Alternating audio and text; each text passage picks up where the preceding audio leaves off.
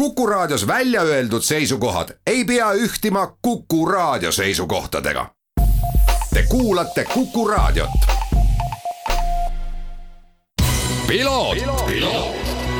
ralli uudiste parima kvaliteedi tagavad Osmo õlivahad tervist, head Kuku raadio kuulajad, eetris saade Piloot ja stuudios saatejuht Margus Kiiver ning vaatame tagasi mootorispordi nädalavahetusele, mis oli vägagi tegus, eriti just eestlaste seisukohast ja käime ära nii Monacos kui ka Portugalis ja mul on hea meel seda kõike teha koos autospordi ajakirjaniku Rein Luigega, tervitus! tere!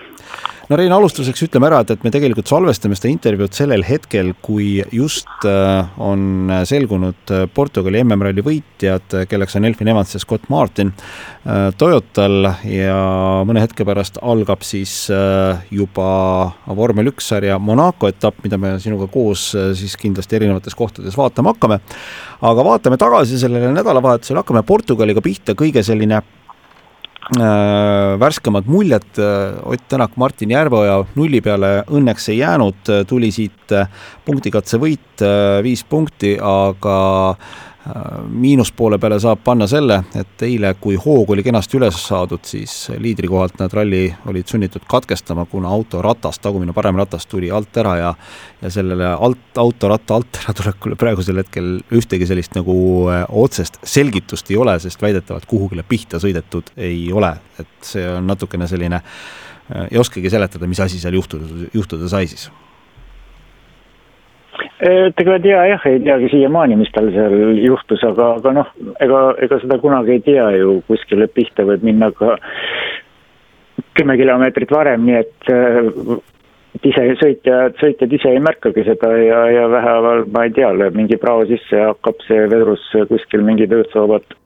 lõpuks, lõpuks järgi andma ja ühel hetkel, ühel hetkel toimub see lõplik pauk. Nii et noh, me me ei oska seda täna keegi öelda, kes teab, kas, kas need Hyundai insenerid selle isegi lõplikult välja uurivad, mis seal juhtus, aga noh, jah, loomulikult siit oleks tulnud mitte ainult viis punkti, vaid kakskümmend viis pluss viis punkti ja oli, oli nii-öelda juba silmapiiril, aga kah, kahjuks nüüd on, nüüd tuli ainult viis punkti ja, ja mis nagu kõige rohkem kahju on see, et, et et Toyota sõitjad Ogier ja Evans ikka praegu ikka on punktitabelis läksid päris kaugele, nii et Tänak jääb praegusel hetkel täna pärast nüüd Portugali rallit juba kolmekümne nelja punktiga punktitabeli liidrist Ogier'st maha ja, ja nii et see on nagu päris, päris suur vahe juba no aga kui me nüüd nagu sellest nädalavahetusest Oti ja Martini poole pealt midagi positiivset kaasa võtame, siis mis mulle silma jäi ja mida tegelikult ka Tänak ise täna viimase katse lõpus ütles, oli see, et et see tunne, mida ta eile hommikul kätte sai, kus ta tegelikult ikkagi kolm katset järjest võitis ja seda edumaad oma liidrikohal kindlustas, et see tunne, seda tundis viimati poolteist aastat tagasi, ehk et ta on hästi palju rääkinud sellest, et noh, et, et autoga tuleb tööd teha, ta ei tunne ennast seal loomulikult ja nüüd hakkas see tulema ja ta ütles, et jah, et me oleme juba päris lähedal ja veel ei olnud ilmselt siis nagu meie kord äh, selle autoga see selline võit ära võtta, et äh, selles mõttes seda kahe nädala pärast toimuvat Sardiinia MM-rallit jääme ilmselt päris suure huviga ootama, et mis seal pakkuda on. stardikoht on ju okei okay jaa, ei kindlasti, et, et see on, see on nagu positiivne uudis, et ta iseennast seal autos nüüd juba hästi tunneb ja, ja noh, tuleb tähelepanu pöörata ka sellele, et, et see Portugali rallil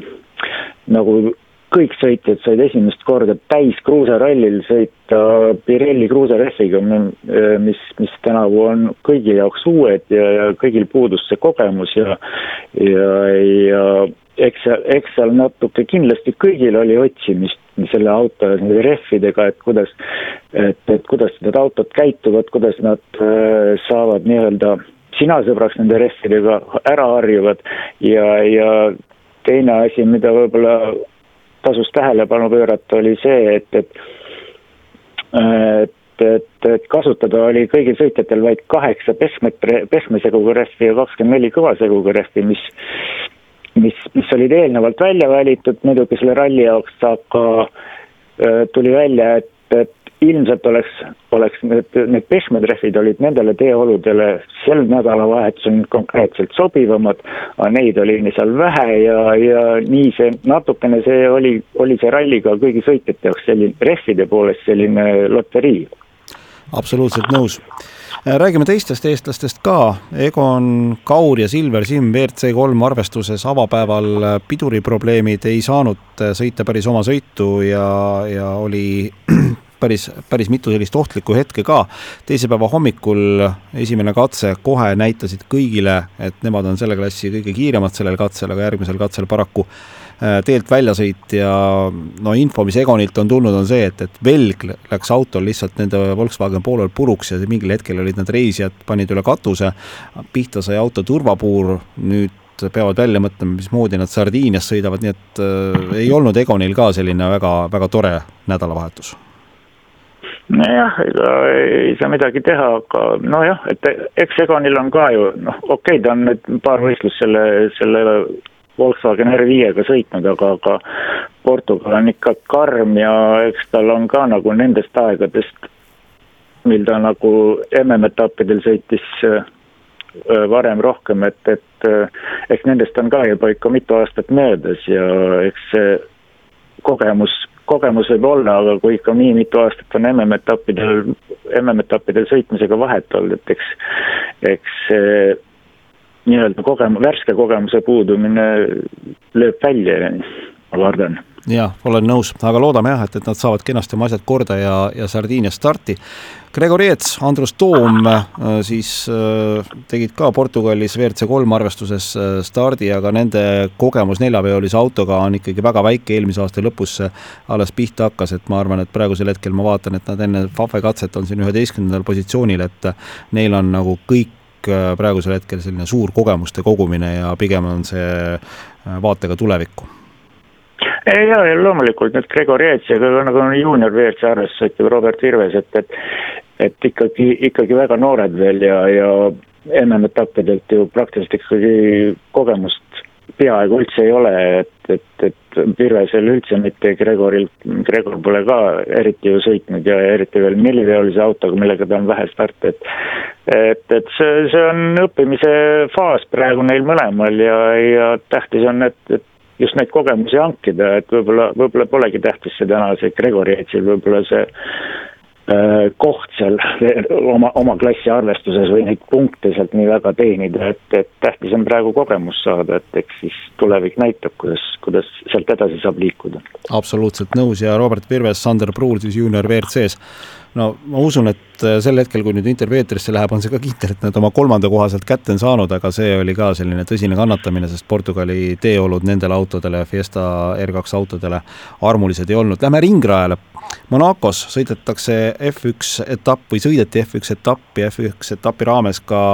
F2 sarja etappi, aga siis äh, Formula Regional European Championship ehk siis FREC sarja etapp äh, stardis vastavalt Jüri Vips ja äh, ja Paul Aron ja Vips tegi tegelikult nüüd pärast äh, sellist äh, pettumust valmistavat avanädalavahetust äh, Monacos väga korralikud esitused,